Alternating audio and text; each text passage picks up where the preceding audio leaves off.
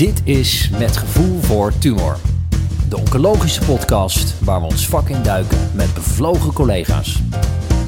Uh, van harte welkom bij een uh, nieuwe aflevering van de podcast Met Gevoel voor Tumor. Wij zijn Tamara Ozinga en Foppie de Boer en we hebben bijna, inmiddels bijna de opleiding tot internist-oncoloog afgerond. Uh, en wij zijn de host van deze aflevering. Uh, we gaan vandaag uh, in deze podcast voor de verandering niet uh, over een tumortype hebben, maar we gaan het hebben over een breder onderwerp, namelijk toegang tot geneesmiddelen. En als gasten hebben we daarom vandaag Esther Brokman, Edward Fiets en Ingrid de Saar uitgenodigd. Zij zijn allen internist-oncoloog en zijn, zijn ook allen bezig met toegang tot geneesmiddelen. Nou, heel erg fijn dat jullie vandaag bij dit belangrijke onderwerp aanwezig kunnen zijn en dit met ons willen bespreken. Ja, we zullen jullie straks uh, aan elkaar en aan de luisteraars ook voorstellen. Um, de reden dat we de toegang tot geneesmiddelen vandaag willen bespreken, is omdat het onderwerp steeds meer aandacht krijgt. Uh, vanwege de steeds snellere ontwikkelingen van uh, medicijnen en discussies over duurzaamheid, doelmatigheid en kosten in de zorg. En ook omdat we aan de andere kant denken dat veel mensen niet precies weten hoe het proces van ontwikkeling van een medicijn tot uiteindelijk het kunnen voorschrijven in het werk gaat. En hopelijk gaan we daar vandaag verandering in brengen. Precies. En voordat we dus van start gaan, uh, willen we jullie eerst aan elkaar voorstellen. Uh, Esther Broekman, jij bent uh, internist-oncoloog in het UMCG sinds 2017. Uh, jij houdt je met name bezig met schildklierkanker. Um, en maar naast je werk als internist-oncoloog ben jij ook klinisch beoordeler van oncologische geneesmiddelen bij het college ter beoordeling van geneesmiddelen. Um, Uh, en ik zag dat je uh, tijdens je opleiding als arts uh, je, een deel van je opleiding ook in Sydney hebt gedaan. Ieder geval je wetenschappelijke stage. Klopt dat? Kun je ja, daar klopt. wat meer ja. over vertellen? Ja, dat klopt. Nou, toen dacht ik nog dat ik nefroloog wilde worden.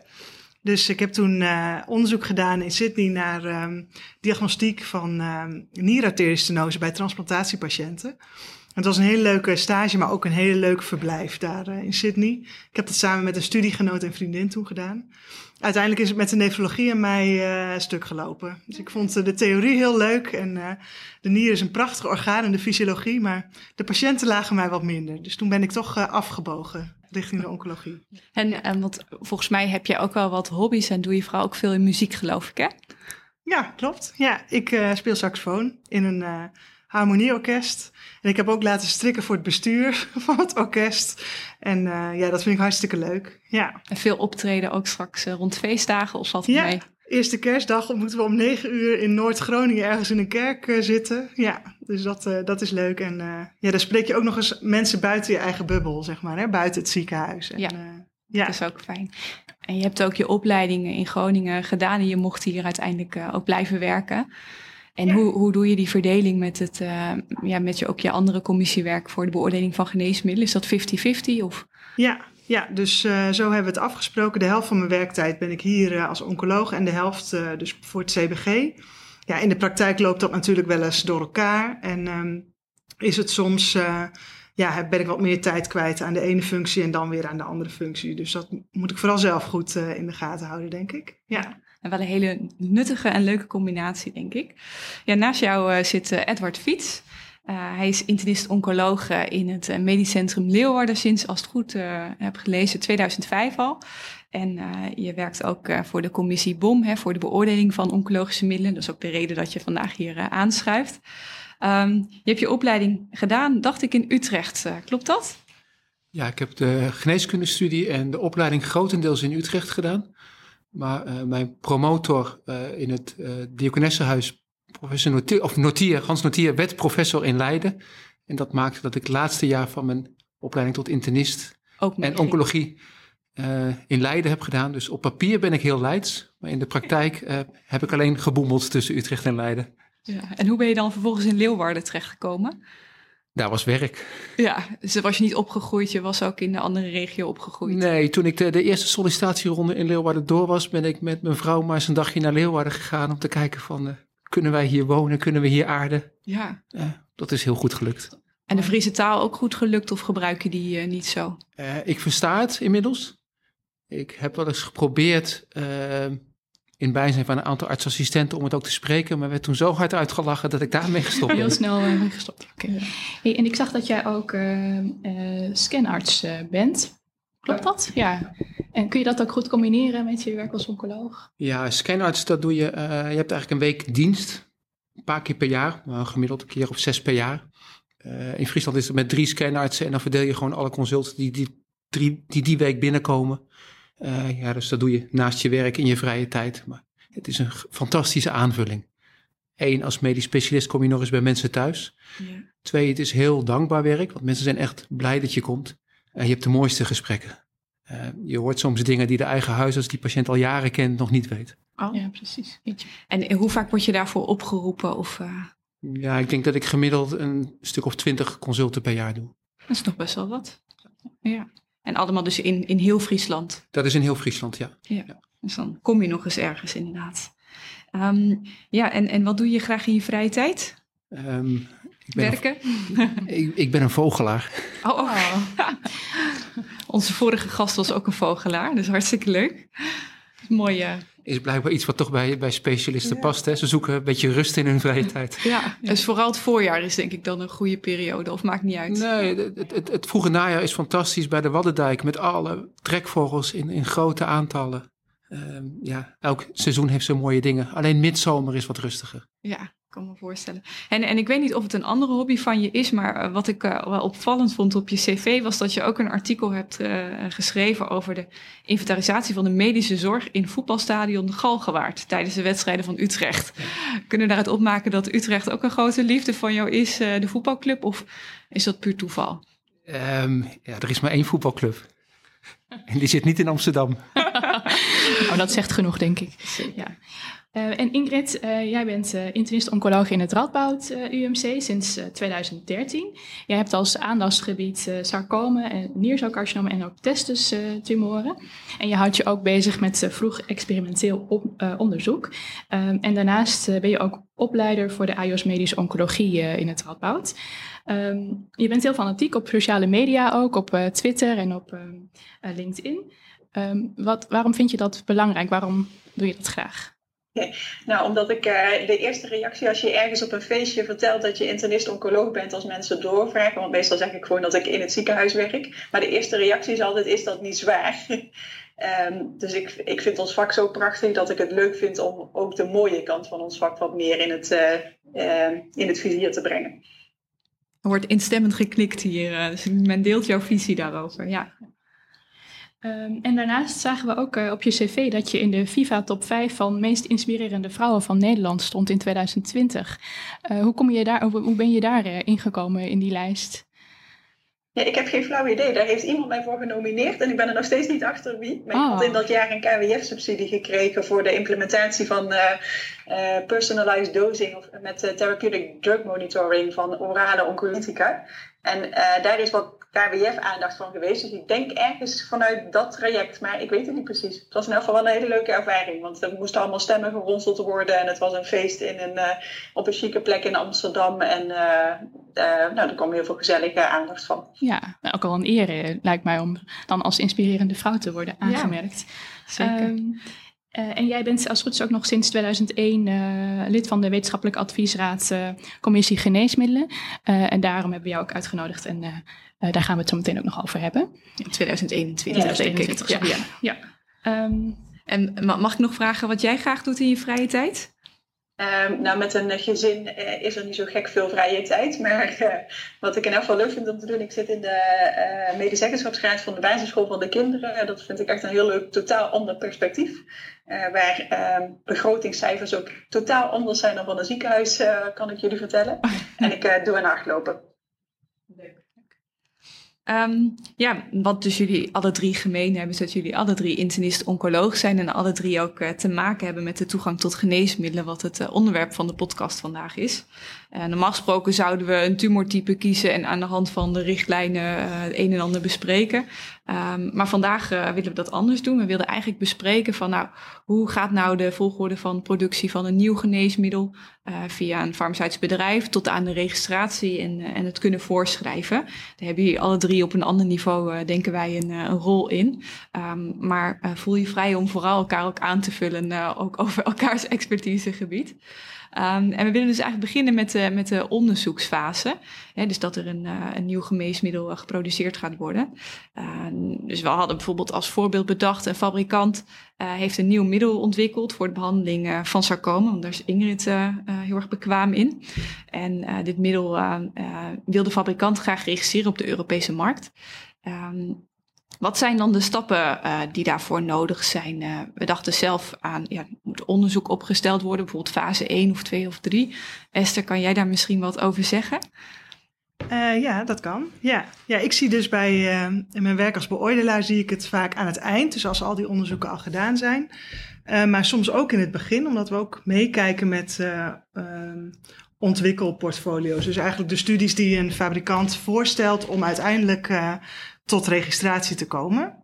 Dus in die zin kijk ik daar dan wel naar. Maar het begint natuurlijk met, ja, met een idee, zeg maar. Hè? Dus een bepaalde stof heeft een bepaald effect. En dat kan ja, uh, nuttig zijn in de behandeling van uh, sarcoom dan. Dus daar begint het mee. En uh, dan is er eigenlijk eerst een heel stuk preklinische onderzoek. Hè? Dus dan zit je nog niet eens in fase 1. Maar dat gaat dan over um, dat je eerst het, het werkingsmechanisme zeg maar, aantoont. Dus je hebt een idee, maar als je zeg maar, het stof uh, als je cellen, kankercellen bijvoorbeeld, of uh, tumoren in dierproeven blootstelt aan die stof, gebeurt er dan ook wat je verwacht?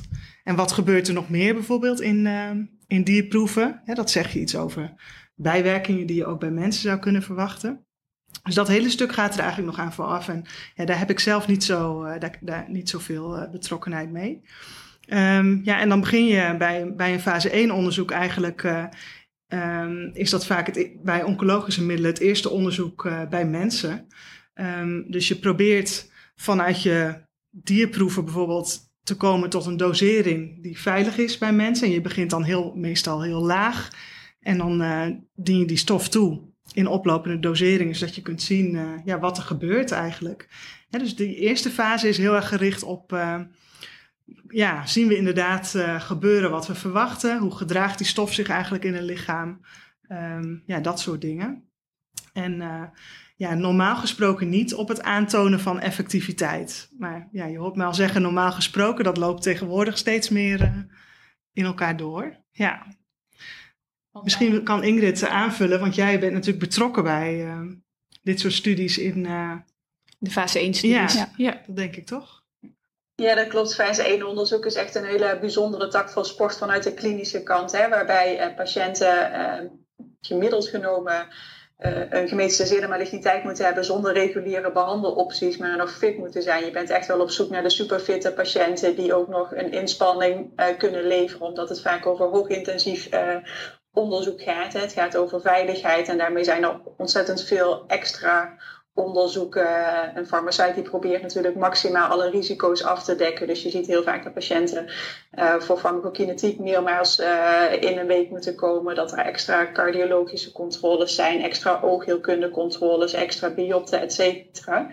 En het einddoel van een fase 1-studie is eigenlijk um, nou, een beetje afhankelijk van het type medicament dat je gebruikt, de maximaal tolerated dose vinden of de recommended phase 2 dose dus die dosis waarbij je um, veiligheid uh, denkt te kunnen garanderen en waarbij je de maximale farmacodynamische e um, effecten lijkt te zien en waarbij je pK-profiel zo gunstig mogelijk is.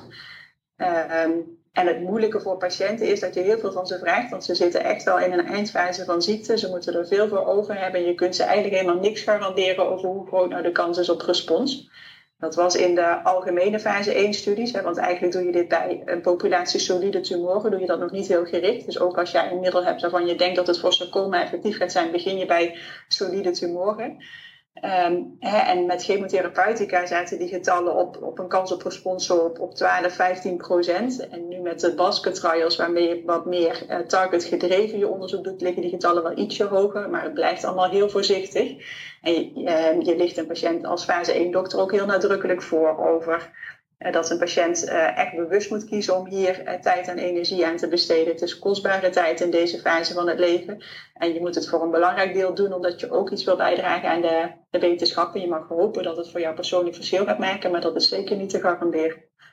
Is het in de praktijk vaak zo dat patiënten dus na deze voorlichting ervan afzien? Want in, in mijn gevoel wil iedereen altijd alles proberen. Nee, het is natuurlijk een selectie van patiënten die zich laat doorverwijzen om over fase 1 onderzoek te praten. Dus het zijn wel mensen die uh, zeer gemotiveerd zijn. Maar na dit onderzoek uh, haakt nog minstens een kwart van de patiënten alsnog af. En dat is ook goed, want het gaat echt over kostbare tijd. Ja. En je moet hier echt alleen voor kiezen als je er uh, met volle overtuiging voor wil gaan. en dat is ook de manier waarop wij mensen voorlichten. Bewust heel eerlijk. Ja, um, en dan um, na de fase 1, stel dat je de goede dosering hebt vastgesteld, dan wordt er dan eigenlijk ook altijd nog fase 2 uh, onderzoek uh, gedaan of is dat soms niet per se nodig? Ja, je ziet meer en meer dat, dat fase 1 studies zo worden geschreven dat het een fase 1b2 studie wordt. En, en daarmee zeggen ze eigenlijk dat ze binnen de fase 1 studie al een expansiecohort gaan doen om in een wat grotere groep patiënten eh, nogmaals de veiligheid te bevestigen en een voorzichtige blik te krijgen op effectiviteit. En dat ze dan binnen één protocol rechtstreeks door kunnen naar het fase 2 deel. Waarin dan uh, meestal uh, tegenwoordig eigenlijk een soort basket zijn met een aantal maligniteiten die vooraf ge geoormerkt zijn als potentieel interessant voor dit medicament. En is het dan uh, uiteindelijk dan ook nog fase 3, dan komt uiteindelijk het fase 3 onderzoek natuurlijk. Dat moet dan neem ik aan, toch ook vaak wel een randomized control trial zijn. Klopt dat? Of, kan dat, of, of hoeft dat niet altijd zo te zijn en kun je ook zonder ja. randomized control trial? Ja, fase... niets is altijd uh, zo, maar ja, dat is wel het mooiste. Hè? Want in een fase 2-studie heb je vaak ook geen controlearm. Hè? Dus je hebt dan een cohort patiënten die, zoals Ingrid al zei, hè, waarbij je wel effectiviteit verwacht. Uh, maar dat blijft één cohort patiënten. En je kunt dus dat niet vergelijken met bijvoorbeeld een standaardbehandeling of met wat er gebeurd zou zijn als je die patiënten niet had behandeld. Dus je krijgt dan uitkomsten zoals de responskans en hoe lang bij patiënten die reageren, dus die een respons hebben, de respons dan aanhoudt. Hè, maar ja, je kan niet, uh, niet direct zeggen wat dan het effect op de overleving bijvoorbeeld is of op de kwaliteit van leven, vergeleken met niks doen of met een andere behandeling die je al hebt. Uh, en daar heb je een vergelijkende studie voor nodig. Uh, bij voorkeur een gerandomiseerde fase 3-studie. Um, ja, maar er zijn daar ook weer uitzonderingen op. Want als je bijvoorbeeld een heel zeldzame ziekte hebt, uh, een zeldzaam tumortype op zich, of een soort subtype van een, uh, van een tumortype, hè, bijvoorbeeld uh, op basis van een moleculaire eigenschap van een tumor, ja, dan is het soms heel moeilijk om een, een fase 3-studie op te zetten, omdat simpelweg de patiënten ja, er niet zijn. Ja. ja. Of omdat, um, omdat je niet goed weet wat voor die subgroep patiënten dan de controlearm zou moeten zijn. Omdat dat ja, in de loop van de tijd zich zo ontwikkeld heeft dat die subgroep is ontstaan. En de eerdere studies misschien met, de, met de, het groot, de grotere groep van patiënten met die tumorsoort zijn gedaan. Dus soms is het niet anders, dan moet je het met die fase 2 data doen. Maar het heeft wel de grote voorkeur om uiteindelijk ja, wel uh, uitspraken te kunnen doen over of een patiënt langer leeft door je behandeling. Uh, of beter leeft door een behandeling. En dan zul je toch ergens mee moeten vergelijken. Ja. Dat is duidelijk. En nou, stel de fabrikant heeft een mooi fase 3 onderzoek gedaan uh, naar het nieuwe middel bij sarcoma, dat ook goed vergeleken. En klopt hij dan aan bij de EMA of hoe, hoe gaat zoiets dan? Um, ja, dus als de studies klaar zijn en zijn de resultaten en uh, um, je wilt zeg maar je middel op de markt brengen, dan zul je inderdaad een vergunning moeten hebben daarvoor, een handelsvergunning. En uh, voor kankermedicijnen in Europa gaat dat allemaal via de EMA, dus op Europees niveau. Dat gaat niet per land afzonderlijk. Um, dus dan wordt er inderdaad een aanvraag ingediend uh, voor, voor een registratie, dus voor een vergunning. En dan wordt het hele dossier aangeleverd met een onderbouwing van de werking en de bijwerkingen zeg maar, van, een, van een middel. Uh, en dat wordt dan beoordeeld. Dus dat gaat inderdaad op initiatief van uh, de eigenaar van het middel, zeg maar, van de, van de farmaceut. En waar let je dan precies op bij zo'n uh, bij zo'n beoordeling van zo'n onderzoek? Dat is natuurlijk jouw expertise. Ja, precies. Ja. ja misschien kan je, meer, ja, nog, misschien kan je ook nog vertellen wie zit er allemaal, ja. wie krijgt het te zien, wie, hoe ziet die groep eruit? Precies. Ja. ja, want de EMA is eigenlijk ehm, het, hoe moet ik het zeggen? De organisatie waarbinnen allerlei verschillende Europese landen samenwerken. En in die 27 landen hebben ook allemaal weer een eigen uh, organisatie in hun eigen land, zeg maar. Um, en voor Nederland is dat het College ter Beoordeling van Geneesmiddelen, dus het CBG. En vertegenwoordigers daarvan zijn onderdeel van verschillende commissies bij de EMA. En voor uh, uh, geneesmiddelen bij mensen is dat de CHMP. dat is de commissie binnen de EMA die uitspraken doet over de, dit soort dingen. Ehm, en dus uh, oncologische middelen, maar ook medicijnen tegen diabetes of infectieziekten worden allemaal in dat Europese verband uh, besproken. Um, en hoe dat gaat bij zo'n procedure is dat er eigenlijk twee landen het voortouw nemen. Dus die gaan het hele dossier tot op de uh, millimeter bestuderen en uh, maken daar een rapport van. En dat wordt binnen die uh, commissie dan verspreid en alle landen lezen dat en kunnen daar weer commentaar op, input op leveren en commentaar op leveren. En ehm, ja, zo kom je uiteindelijk tot een conclusie um, en ook tot dingen die je nog mist bijvoorbeeld. En dat, daar maak je een vragenlijst van eigenlijk. en die gaat weer naar de fabrikant die dan een bepaalde tijd heeft om daar weer antwoord op te geven of om nog aanvullende data aan te leveren. En zo kom je steeds een stapje verder tot je uiteindelijk een besluit kunt nemen. En binnen het CBG, als je zeg maar zo'n dossier uitgebreid gaat beoordelen en daar een rapport van maakt, zijn er ook weer allerlei teams die daarnaar kijken. Dus je hebt zeg maar een team voor de preklinische studies. Dus die kijken vooral naar de uh, studies in cellijnen en naar de dierproeven bijvoorbeeld. Je hebt uh, klinisch farmacologen die bijvoorbeeld naar de farmacokinetiek studies kijken. Dus waarin zeg maar naar de blootstelling en de effecten daarvan is gekeken en de dosis. Nou, de klinische studies, daar kijk ik dan met een collega naar. Dus dat is van fase 1 tot fase 3. Of soms als die studies er niet zijn, bijvoorbeeld literatuurstudies, dat kan ook.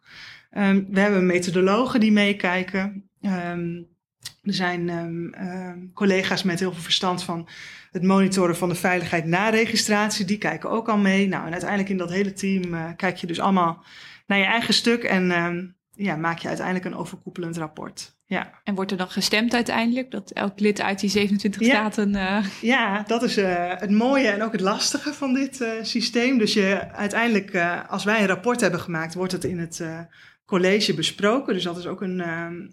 dat is Um, voor Nederland, zeg maar, de vergadering waar de, het standpunt voor de, de Nederlandse delegatie wordt vastgelegd en de argumenten daarvoor.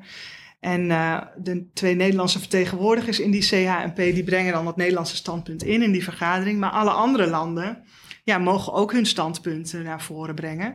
En uh, uiteindelijk is het een kwestie van stemmen en de meeste stemmen gelden. Ja. En het mooiste is natuurlijk als, je, als er consensus is, als iedereen kan leven met het oordeel en zijn eigen op- en aanmerkingen verwerkt heeft gezien in de, ja, wat het resultaat uiteindelijk is. Maar soms is dat niet zo en dan kan je dat als land aangeven. Dan zet je zeg maar niet je, je kruisje onder de conclusie. En dan wordt er opgeschreven, we waren het hier niet mee eens. Maar dan nog is het, geldt het besluit voor alle Europese lidstaten. Ja. Dus stel het uiteindelijke besluit is positief, hè, dus het middel wordt wel ja. geregistreerd, dan is dat in principe dus in de hele Europese Unie is het dan wel ja, geregistreerd. Bij alle aangesloten landen mag het middel dan uh, ja, in principe op de markt komen. Ja, maar hoe het dan in een land verder gaat, ja, daar gaan we het straks, over straks hebben, denk ik. Daar zijn de andere twee collega's. En, en, hoe is dat tijdspad dan? Het klinkt als heel veel werk voor ja. elk middel wat, uh, nou, waar een, uh, wat aangedragen wordt. Ja. Hoeveel tijd uh, gaat gemiddeld overheen? Ja, nou, um, voor het eerste deel heb je een paar maanden. Ja, dus daar heb je best veel tijd voor, maar dat moet ook. Want het gaat echt soms tot op het niveau van de individuele patiënt die heeft deelgenomen aan een studie, zeg maar. Dus heel nauwkeurig kijk je alles na. Um, en um, ja, daarna is het zo dat de firma uh, tijd krijgt natuurlijk om die vragen te beantwoorden. Dus dat kan ook weer zes, nou, zes, vier tot zes weken of soms nog wat langer duren als ze aanvullende analyses moeten doen bijvoorbeeld. Dan kan een firma zelf vragen om de tijd even stil te zetten, zeg maar. Een klokstop heet dat. En um, daarna wordt het weer beoordeeld. Dus daar heb je dan weer ja, een paar weken voor. En soms uh, is het dossier heel goed. Zit alles wat je nodig hebt om te beoordelen er al in. En dan kan je soms in twee van die rondjes zeg maar, klaar zijn. Maar vaak is dat niet zo. En zeker tegenwoordig komen, ja, worden die dossiers toch steeds sneller en vroeger ingediend. En dan ja, ontbreken er gewoon dingen. En dan duurt het dus soms langer om uh, alles rond te krijgen. Dus het kan ja. zo een jaar duren eigenlijk. Ja, de, ja, het kan ook korter duren, maar het kan, dat kan uh, soms wel zo zijn. Ja. Waar, waar en Esther, hoeveel overlap is er nou met de FDA? Um, ja, um, nou, je, je, krijgt zeg maar. Um, de, de hele procedure loopt los uh, van elkaar. Dus het dossier bij ons, dat uh, kan ook andere inhoud hebben dan het dossier wat bij de FDA is uh, ingediend. Maar er zijn wel overleggen, zeg maar, over de lopende procedures. Dus volgens mij is dat maandelijks, is er een overleg, in ieder geval voor de oncologie, waarbij zeg maar de vertegenwoordigers van de EMA, of van de CHMP en van de FDA wel zeg maar de knelpunten uh, bij langslopen. Dus um, het is natuurlijk niet handig als de FDA één bepaalde studie gaat vragen aan de firma om nog te doen. En dat de EMA dat dan net anders zou willen. Dat is natuurlijk niet handig. Dat gaat dan niet lukken. Dus dat wordt wel met elkaar besproken. En um, uh, soms is het ook zo dat bepaalde informatie wel bij de FDA wordt gedeeld en niet bij de, bij de EMA. Dus dat is natuurlijk ook uh, altijd lastig en handig om van elkaar te weten. Maar de besluiten staan helemaal los van elkaar. Uh, ja. ja. En soms heeft het natuurlijk invloed op elkaar. Hè? Als, als in, in Amerika een bepaald middel al eerder is goedgekeurd en op de markt komt, dan heeft dat invloed op bijvoorbeeld. Als dat op basis van een fase 2 studie is en je wilt nog graag een gerandomiseerde fase 3 studie hebben. Ja, als dat middel al beschikbaar is in Amerika, dan gaat er in Amerika geen patiënt meer in die studie geïncludeerd worden waarschijnlijk. Dus dat, in die zin heeft het wel invloed uh, op elkaar. Maar uh, de procedures lopen eigenlijk los van elkaar. En er zijn ook wel verschillende analyses gepubliceerd hè, van het percentage dossiers dat dan een positief uh, beoordeling krijgt in Amerika en in Europa. En um, ja, dan zie je dat het dat toch in Amerika hoger ligt. En dat daar ook, uh, ja, dat het in Europa dan wat strenger uh, lijkt te zijn, zeg maar. Ja. Er zijn volgens mij geen duidelijke criteria hè, waarop jullie een dossier beoordelen. Um, als, als voorbeeld bijvoorbeeld een adjuvante studie moet als primair eindpunt survival hebben. Ja. Dat is iets wat volgens mij ontbreekt bij EMA. Duidelijke vastgelegde criteria waar een dossier aan moet voldoen. Ja, ja nou er zijn richtlijnen. Hè. Er zijn gewoon vastgestelde guidelines waar we, op basis waarvan we de beoordelingen uh, doen. Maar dat is in sommige gevallen best uh, op hoog niveau, zeg maar. Dus niet op heel gedetailleerd niveau. En het blijven uh, richtlijnen. Dus er staan ook wel allerlei ehm, criteria in waar je op moet letten in de beoordeling. Maar inderdaad is het elke keer toch weer op een case-by-case basis dat je je beoordeling doet. Um, waarbij je ook altijd moet in het achterhoofd houden dat, zeg maar, als je in de ene situatie een bepaalde beslissing neemt, of bepaalde voorwaarden stelt, of bepaalde informatie in de bijsluiter laat opnemen, bijvoorbeeld. En er komt uh, kort daarna een vergelijkbare procedure. Ja, dan moet je de besluiten die je eerder hebt genomen wel meenemen. Want het is ook uh, uiteindelijk een juridisch proces wat je doorgaat. Dus je kan niet de ene keer dit zeggen en een andere keer waarbij eigenlijk alle omstandigheden vergelijkbaar zijn, iets heel anders. Dan, uh, dan wordt er een rechtszaak aangespannen of, en een herbeoordeling aangevraagd. Ja, dus in die zin heb je wel precedentwerking, net zoals in de recht, in de, hoe zeg je dat, de juridische sector. In de rechtspraak, dat woord zocht ik. Uh, dus dat wordt wel meegenomen. Um, ja. ja, dus en er zijn um, ja, wel bepaalde ondergrenzen van wat we acceptabel vinden. Maar ook dat ver verschilt toch binnen Europese landen. Dus dat zei ik net ook al. Het, het, is soms zo dat wij als Nederland het niet helemaal eens zijn met wat uiteindelijk uh, het oordeel is geweest. Maar dan is uiteindelijk dat besluit ja, wel min of meer de bodem voor uh, een volgende beslissing in dezelfde situatie. Ja. ja.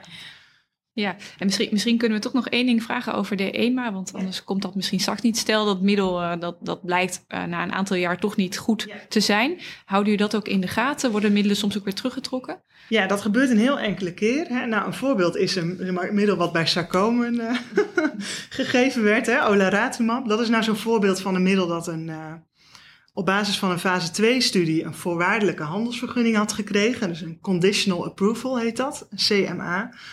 En daar was, daar, de condition is de voorwaarde die je dan aan zo'n handelsvergunning stelt. Dus daar was ook een studie afgesproken, of was afgesproken, jullie krijgen een voorwaardelijke handelsvergunning. Die wordt jaarlijks geëvalueerd, dat is altijd zo. En op dat moment in de tijd willen we dat jullie de data van de fase 3-studie aan ons laten zien. Nou, en dan doe je een nieuwe beoordeling. En toen bleek daar dus helemaal geen... Uh, geen uh, winst meer uh, te zien te zijn in die fase 3 studies. Dus die handelsvergunning is daardoor ja. afgenomen, zeg maar, ingetrokken.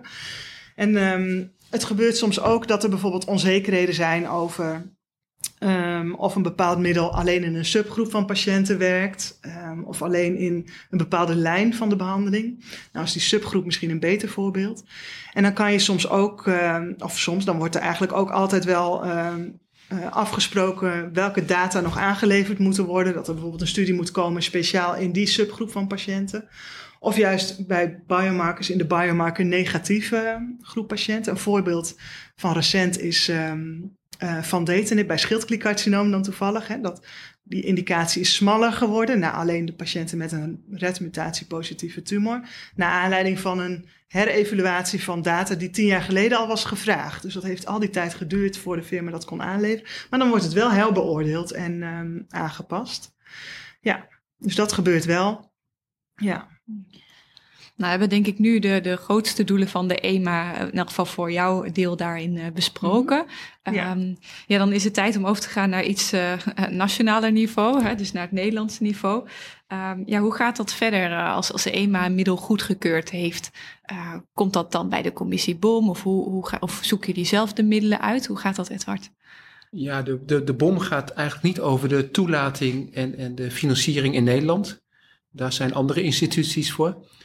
Uh, maar wat er gebeurde eind jaren 90, uh, met de komst van paclitaxel en, en GCSF, werden de medicijnen ineens een stuk duurder. Als je naar die prijzen kijkt, dan lachen we daar nu om. Maar toen vonden we 400 euro voor een 400 gulden voor een behandeling vonden we heel veel. En er waren nog geen add-on indicaties, dus het kwam op het ziekenhuisbudget. Dus wat dreigde is dat er een soort postcode geneeskunde zou ontstaan, waar het ene ziekenhuis het wel zou of wilde betalen en een ander ziekenhuis niet. En toen hebben we vanuit de NVMO bedacht om een, om een commissie in te stellen uh, die eigenlijk meer kijkt naar de doelmatigheid van geneesmiddelen. Dus of wij vinden dat het iets is wat we als hele beroepsgroep moeten doen, of dat we zeggen, en dat het dan ook overal beschikbaar moet zijn, of iets waarvan we vinden van ja, dat is eigenlijk, het is misschien wel effectief en veilig, maar we vinden de, de winst voor onze patiënten zo weinig dat we het niet moeten gaan gebruiken. Dus met dat idee is, is de commissie BOM destijds opgericht. En nou, inmiddels zijn we 23 jaar bezig.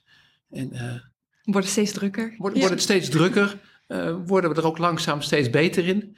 Maar komen we ook voor steeds grotere uh, dilemma's en problemen. En een daarvan is toch wel dat EMA steeds makkelijker toelaat.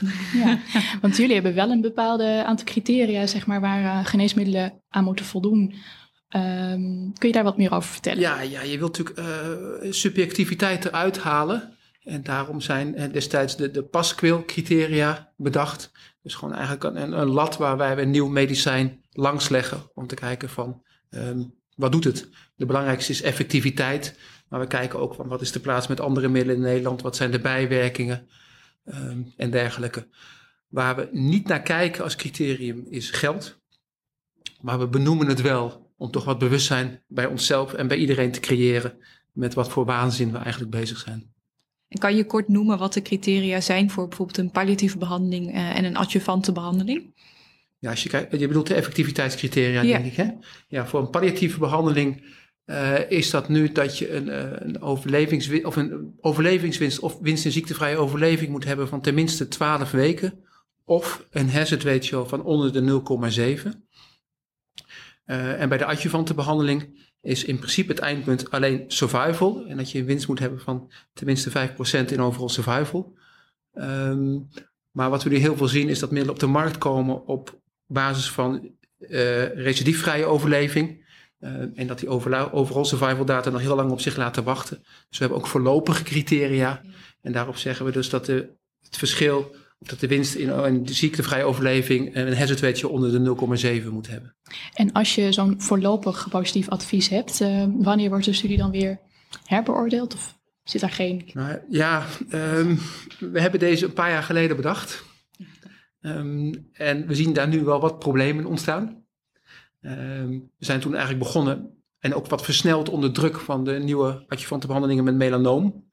Uh, en uh, we hebben toen voorlopig goedgekeurd op basis van ziektevrije overleving, maar de overall survival data zijn er nog steeds niet. En voor zover ik begrijp ook nog niet in zicht, uh, wat op zich een slecht teken is. Mm -hmm. Maar waarbij dus wel moeten kijken van ja, hoe gaan we daarmee om? Um, en op de, de komende algemene ledenvergadering zullen we daar voorstellen doen. Mag ik nog heel even iets toevoegen? Ja. ja. Want ik wil, jij zegt, we gaan niet over kosten. Dat heb ik niet genoemd, maar bij de beoordeling bij de EMA wordt dat ook niet uh, meegewogen. Dus er wordt inderdaad gekeken naar de effectiviteit en veiligheid van medicijnen. Die kosten komen vaak ook pas daarna. En het is niet zo dat we helemaal uh, geen criteria hebben natuurlijk. Hè? Want nu klinkt het een beetje van, nou, we laten alles maar gewoon Goed uh, verhaal, kom maar door. Maar zo is het niet, hè. Het, ik denk dat, om het samen te vatten, het belangrijkste is dat, je, dat we proberen om te gaan met onzekerheden. Dus je, in de ideale situatie heb je trials met 2000 patiënten en follow-up van jaren. En weet je zo goed mogelijk wat het echte, het ware effect is van een middel. Maar ja, dat is niet meer de realiteit. Dus je probeert om te gaan met onzekerheden over de effectiviteit vooral.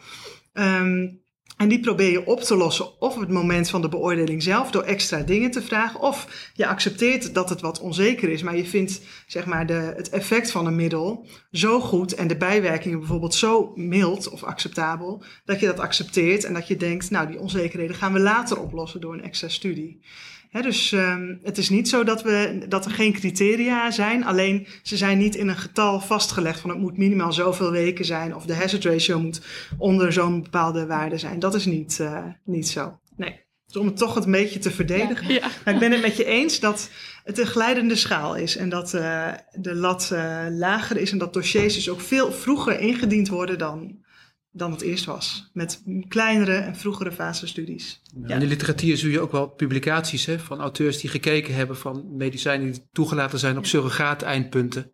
En dat er dan nooit uh, overall survival eindpunten komen of dat die er wel komen, maar niks mee gedaan wordt. Uh, dus het is wel een, een zwakheid in het systeem, denk ik. Ja. En is het ook zo, uh, jullie, hebben jullie dan elke twee jaar ook dat die paskeelcriteria aangepast worden of aangescherpt worden? Of, of is dat niet... Uh, nee, we, we, hebben daar geen interval voor. Dus uh, we doen het eigenlijk uh, wanneer er vraag naar is. Of vanuit onszelf of vanuit de vereniging. Ja, ja. En nog even terug, want je zegt dat inderdaad. Want wat, wat vinden jullie daar eigenlijk van? Uh, dat dus geneesmiddelen eigenlijk steeds eerder ter beoordeling worden aangeboden. En er staat er eigenlijk geen OS-data, of geen, maar heel minder OS-data um, gepubliceerd wordt. Ja, we kunnen er van alles van vinden. We moeten het ermee doen. Ja. Uh, dus dat betekent dat we dus ook criteria opstellen die soms niet altijd even hard zijn, maar je moet er iets mee met de middelen. Ze zijn op de markt en voor zover ik begrijp, elk middel dat door EMA geregistreerd heeft, heeft een patiënt recht op om het te kunnen krijgen. Of het vergoed wordt is volgens mij een tweede, maar een geregistreerd middel moet een patiënt kunnen krijgen. Um, ja, dus we moeten er op een manier ook een mening over hebben als beroepsgroep. Want als we geen mening hebben, ja, dan kan er ook van alles mee gebeuren. Ja, dan heb je het niet meer in de hand ook misschien. Wat vind jij daarvan, uh, Ingrid? Um, nou, ik vind het moeilijk dat uh, het kostenplaatje natuurlijk wel gewoon ook heel bepalend is. En, en de kostenplaatjes worden groter en groter. En het aantal basis waarvan we medicatie voorschrijven worden dunner en dunner.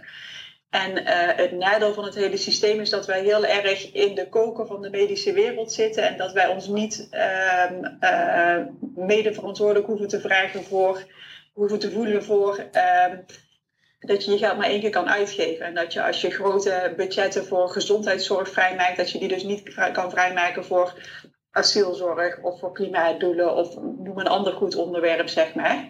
dus um, hoe, hoe je ook kijkt, want in de commissie waar ik zit, de wetenschappelijke adviesraad van de College Geneesmiddelen uh, van het Zorginstituut, die kijkt wel naar de, de kosten, maar ook weer niet op, op zo'n manier dat het daar tegenover gesteld wordt.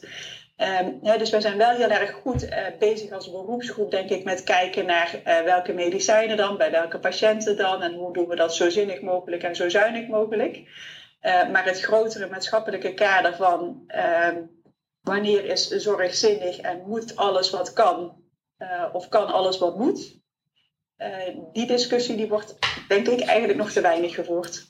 Um, ja, en hoe, hoe gaat dat dan, uh, Edward? Dus de commissie BOM heeft een uh, positief advies gegeven.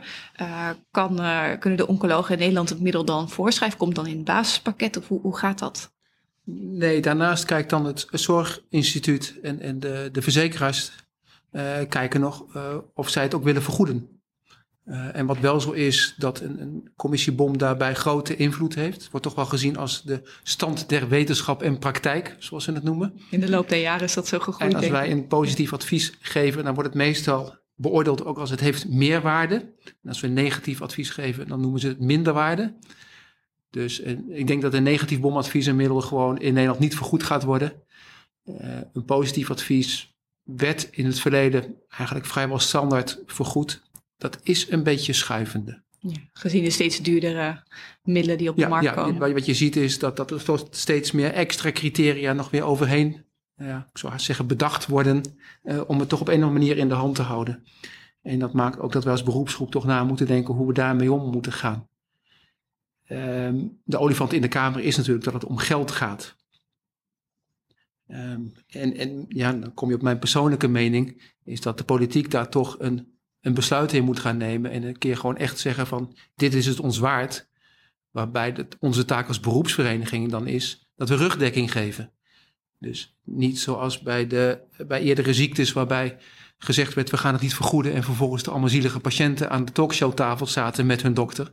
Nee, dan moeten wij aan de talkshowtafels gaan zitten om te zeggen van uh, we begrijpen dit, en we moeten toch iets met z'n allen. En uh, ja, wat, wat ik nu uitgeef per jaar aan dure medicijnen, volgens mij kun je daar ook een heel verpleeghuis van laten draaien in een jaar.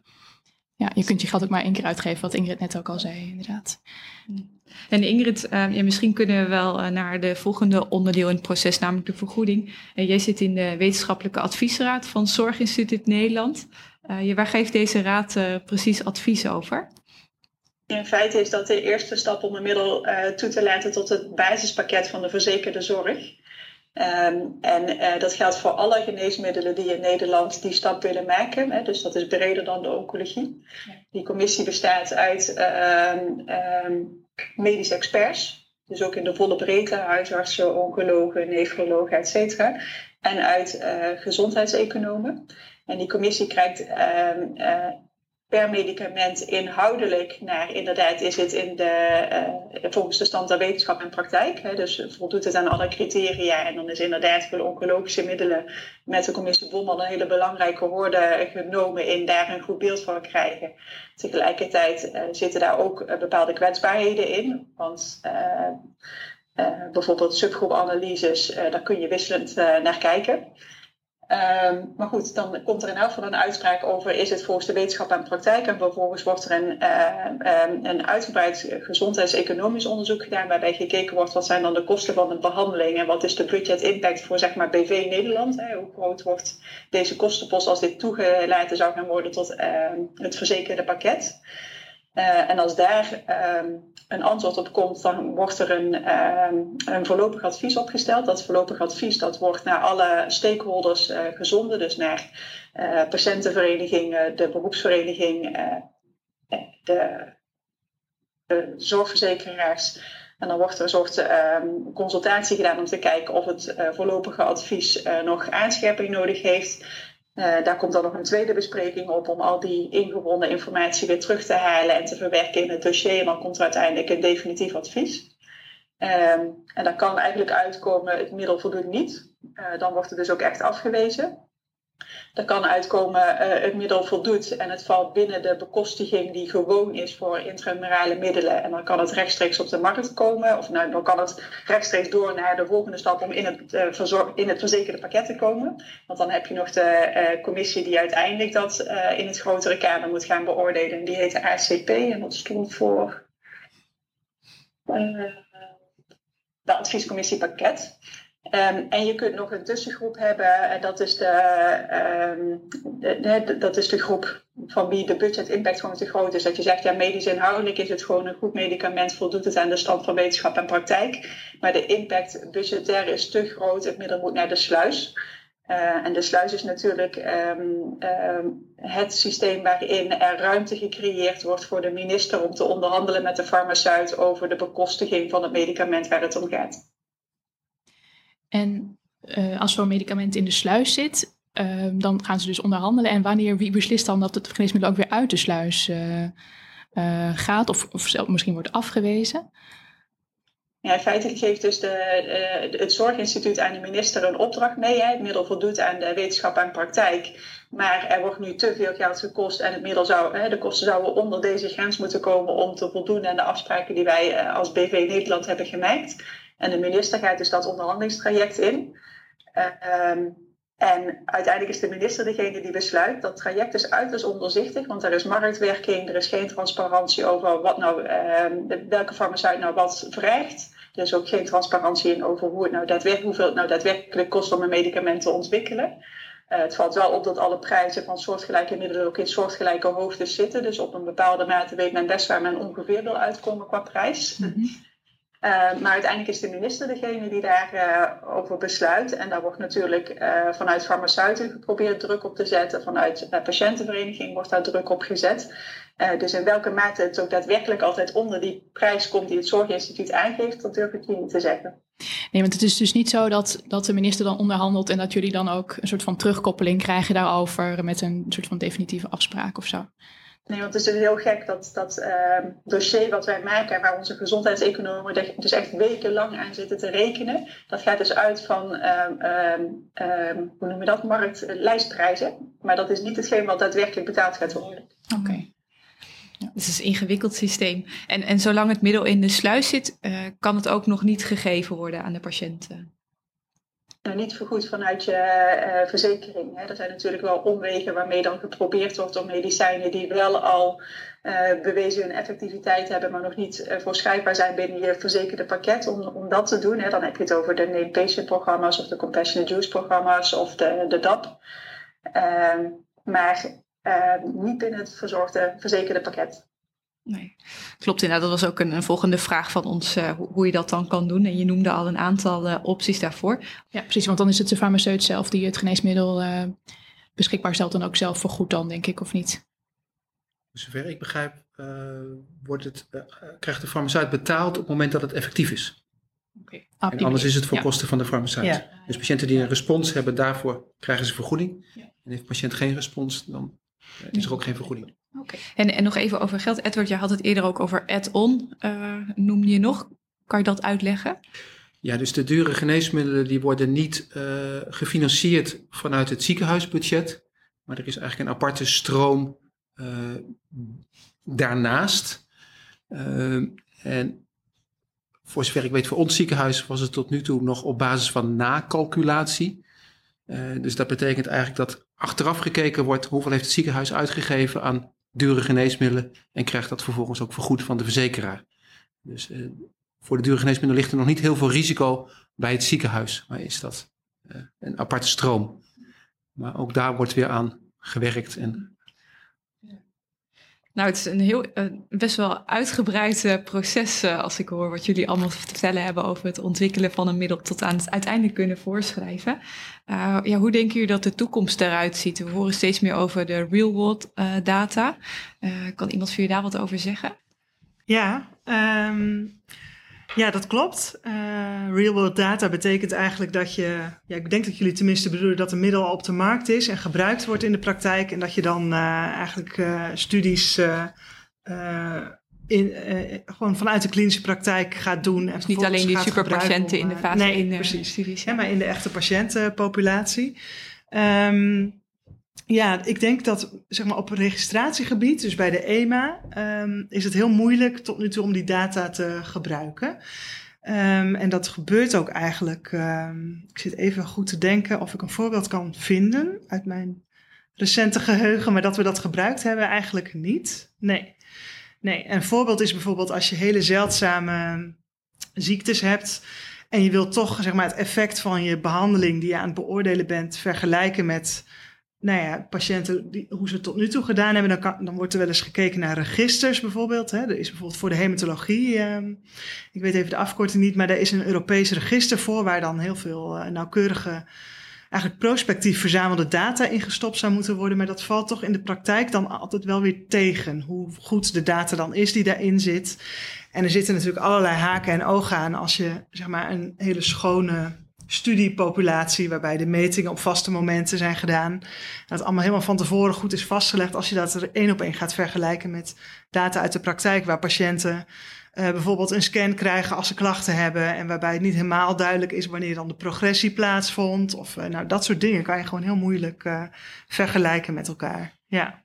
Ja, maar ik denk wel, want dat is waar, dat is waar het zeg maar, nog niet zo heel veel wordt gebruikt. Maar het kan natuurlijk wel heel nuttig zijn om middelen die geregistreerd zijn op de markt zijn, waarvan wij als beroepsgroep denken van, uh, nou, uh, moeten we dit wel bij alle patiënten geven uit deze categorie? Moeten we dit wel een jaar geven? Of kan je bijvoorbeeld zes maanden geven? Moeten we wel deze dosis geven? Of kunnen we een lagere dosis geven? Nou, dat zijn nou echt vraagstukken die je wel in de praktijk zou kunnen uh, oplossen door een studie te doen. Of misschien ja, met gebruik van, uh, van real-world data. Want dat zijn vragen die um, zeg maar voor registratie heel vaak niet meer opgelost gaan worden. Dat is echt een gepasseerd station eigenlijk. En er is ook niet zo heel veel incentive natuurlijk voor een firma om te gaan uitzoeken of je ook een halve behandeling kan geven in plaats van uh, zoals het geregistreerd Ja. is. Ja. Want bij wie ligt die bal dan eigenlijk? Moeten we dat zelf als oncologen gaan, eh, gaan onderzoeken? Of is dat dan toch de firma die dat eh, moet gaan doen? Nou, dat, is, dat zit niks anders op, denk ik. Ik weet niet hoe jullie daarover denken, dan dat we dat zelf eh, moeten proberen op te lossen. Dat Ja. past ook wel bij de hele discussie over de doelmatigheid en duurzaamheid tegenwoordig. Er zijn wel initiatieven hè, bij de FDA en ook de EMA gaat daar ook wel eh, in mee over bijvoorbeeld doseringen van medicijnen. Want heel vaak is het zo dat een dosis, vooral van nieuwere middelen, is nog op de oude manier vastgesteld, zoals dat bij chemotherapie ging. Dus je kijkt naar wat zeg maar de maximaal te verdragen dosis is en eh, qua veiligheid. En daar wordt dan mee doorgegaan. Eh, en dat is dan de data die je hebt. Terwijl het is helemaal niet duidelijk of dat wel de optimale dosis is, heel vaak. Dus soms is bij een lagere dosering het effect nou, vergelijkbaar, de effectiviteit, of misschien ietsje minder, maar hebben mensen wel veel minder bijwerkingen. Ehm, en ja, dat soort signalen, als die er nu zijn, dan, dan ehm, wordt er wel steeds meer geprobeerd om die studies te vragen en op te leggen aan een eh, firma. Om bijvoorbeeld na registratie nog een vergelijkende studie te doen met twee doseringen bijvoorbeeld. Ja, dus dat wordt wel geprobeerd om dat te doen. een postmarketing eh, studie Ja, precies. Ja, ja, dus een soort dosisoptimalisatiestudie. Ja. Maar het is, dat is nog best lastig om dat eh, voor elkaar te krijgen. Want heel vaak is het ook zo, de data die je hebt, die heb je. En eh, ja, daar moet je, tenminste als registratieautoriteit dan, van vaststellen of de voordelen opwegen tegen de nadelen. Duivelse dilemma's. En we hebben nu eh, nou, heel uitgebreid het proces kunnen bespreken. Ook een stukje van de, van de toekomst alvast eh, kunnen bespreken. Eh, we gaan eigenlijk over naar richting het einde van de podcast, waarin we eerst nog een aantal ja, dilemma's ook met jullie willen bespreken. En de eerste dilemma's zijn eigenlijk voor jullie alle drie. En daarna hebben we nog een paar persoonlijke dilemma's. Ehm, en het eerste gezamenlijke dilemma is: mag je voorwaarden stellen waar iemand aan moet voldoen om voor een bepaalde dure behandeling in aanmerking te komen. Dus ehm, ehm, Moet de patiënt bijvoorbeeld heel fit zijn of eh, een bepaald leeftijdscriterium? mag je die voorwaarden stellen als je iemand eh, nieuwe behandeling wil geven. Ik denk in de basis dat wij als oncologen hier best wel goed in zijn. Dat we juist al heel erg gericht zijn op die patiënten selecteren die voldoende eh, ehm, conditie hebben om op een veilige manier een oncologische therapie te, onderstaan en die, eh, te ondergaan. En die ook daadwerkelijk kans hebben op het gunstige effect van de therapie. Eh, wat ik persoonlijk nog een moeilijker element vind, is hoe om te gaan met adjuvante melanoombehandelingen bij eh, eh, nou, patiënten die echt op leeftijd zijn. Waarbij er op dit moment dus nog niet de lange termijn overall survival data zijn die ook daadwerkelijk laten zien dat mensen langer leven. Alleen de disease-free survival die wordt beter. Ja, waarbij er wel een ernstige kans is op blijvende auto-immuuntoxiciteit. Die vind ik zelf heel ingewikkeld. En daar zou ik me iets meer kunnen voorstellen dat we wel nadenken over eh, op, op welke leeftijd ga je dat nog geven. Maar in de basis bij een palliatieve behandeling is natuurlijk leeftijd niet het criterium, maar is het meer de frailty die je uiteindelijk meeweegt. Ik denk inderdaad dat we dat wel goed eh, beoordelen in de Wij spreekkamer. bedoelden inderdaad op medische criteria. Maar ik was bang dat jullie ook op andere criteria doelden. Leef, Ja. leefstijl en zo. Leefstijl. Oh, dat ja. hoor ik jullie dan Ja. Had ook gekund. Ja. En daar, daar zou ik wel moeite mee hebben. Ja. Want dat is niet aan ons. Nee, dat Dus wij kijken of een behandeling effectief kan hebben en of een patiënt daar voordeel van kan hebben. En dat bespreken we, maar het blijft eh, een gezamenlijk, gezamenlijk besluit. En ik heb ook wel patiënten die, waarbij ik het afraad zeggen van ja, maar ik wil het toch heel graag. En soms gaat het dan toch ook weer verrassend goed. Ja, En soms ook Het niet. ook soms moeilijk van tevoren te voorspellen. leer samen van.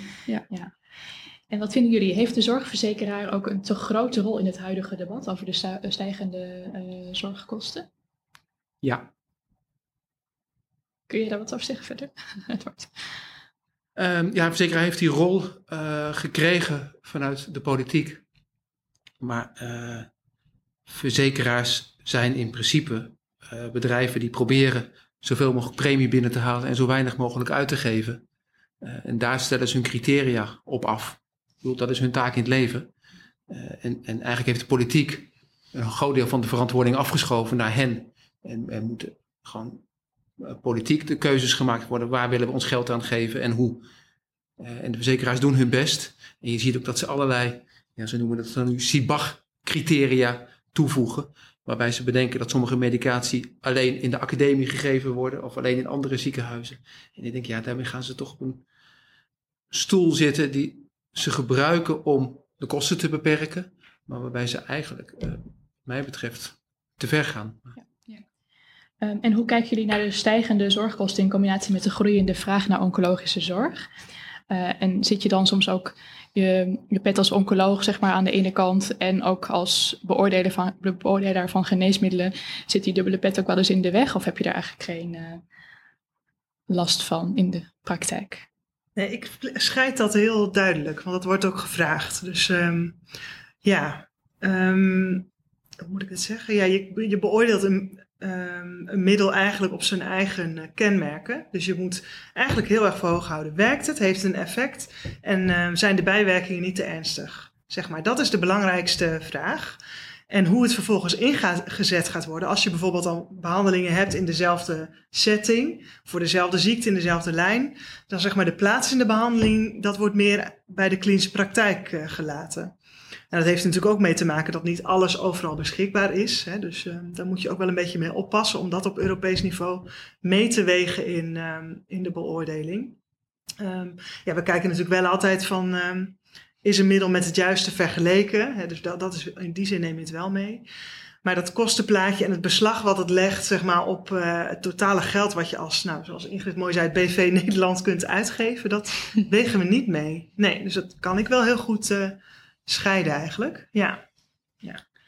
Ik vind dat wel lastig hoor, want het is echt, de huidige situatie is echt onhoudbaar. We, we, we gaan echt uh, op deze manier het niet samen met elkaar redden. Dus er moet iets gaan veranderen. Ik ben het heel erg eens met, eens met Edward dat wij uh, de politiek moeten bewegen en met de politiek samen moeten optrekken. Uh, en als ik uh, als dokter vind ik het heel fijn dat ik in de spreekkamer niet de kosten mee hoef te laten wegen. Hè. Dus wij hebben ja. gewoon als beroepsgroep gaan wij allemaal op dezelfde manier om met hoe we die keuzes maken. En er geldt geen rol per patiënt.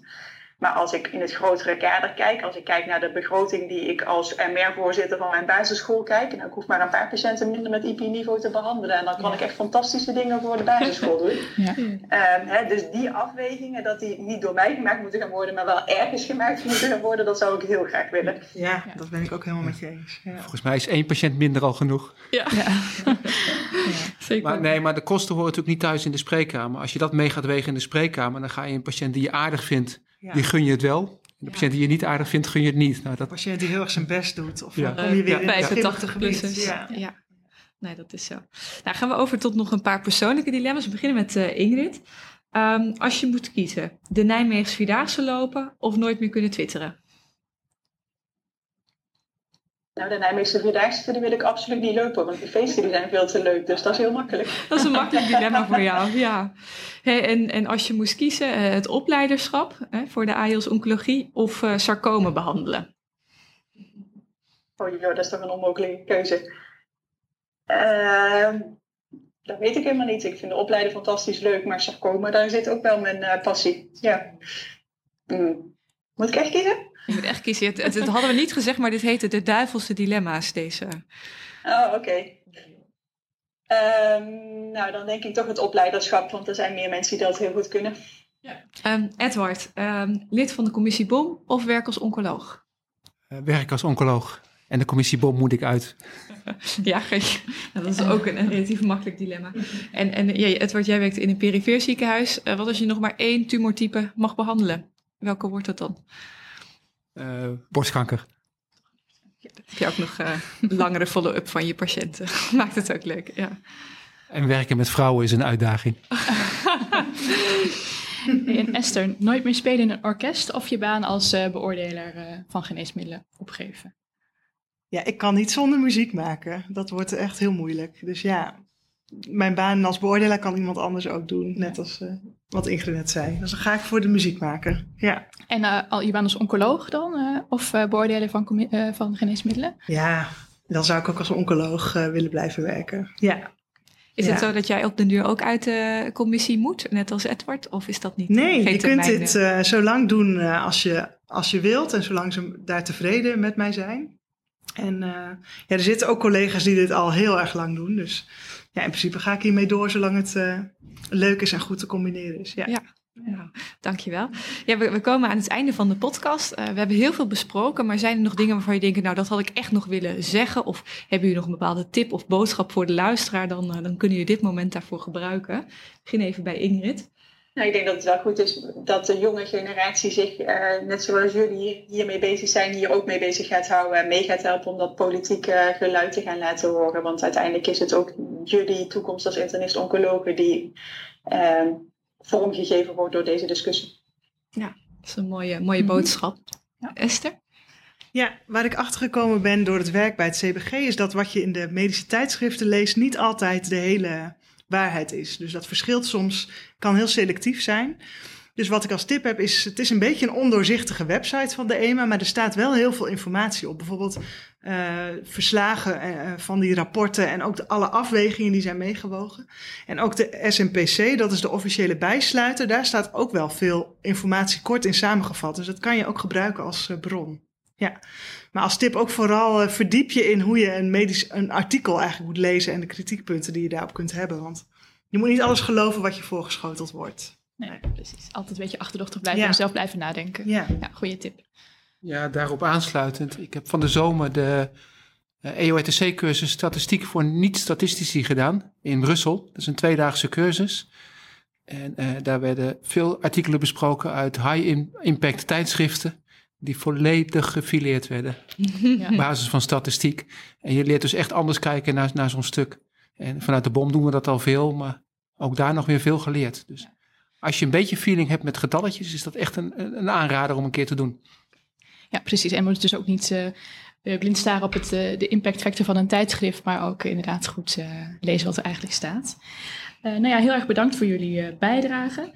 Um, en nog tot slot voor de luisteraars, mochten jullie nog niet uitgeluisterd zijn of benieuwd zijn naar onze andere podcasts, volg ons dan op je favoriete podcast-app of op LinkedIn. Um, en tot ziens bij onze volgende podcast. Dank jullie wel. Dit was Met Gevoel voor Tumor. Dank voor uw aandacht en tot de volgende aflevering.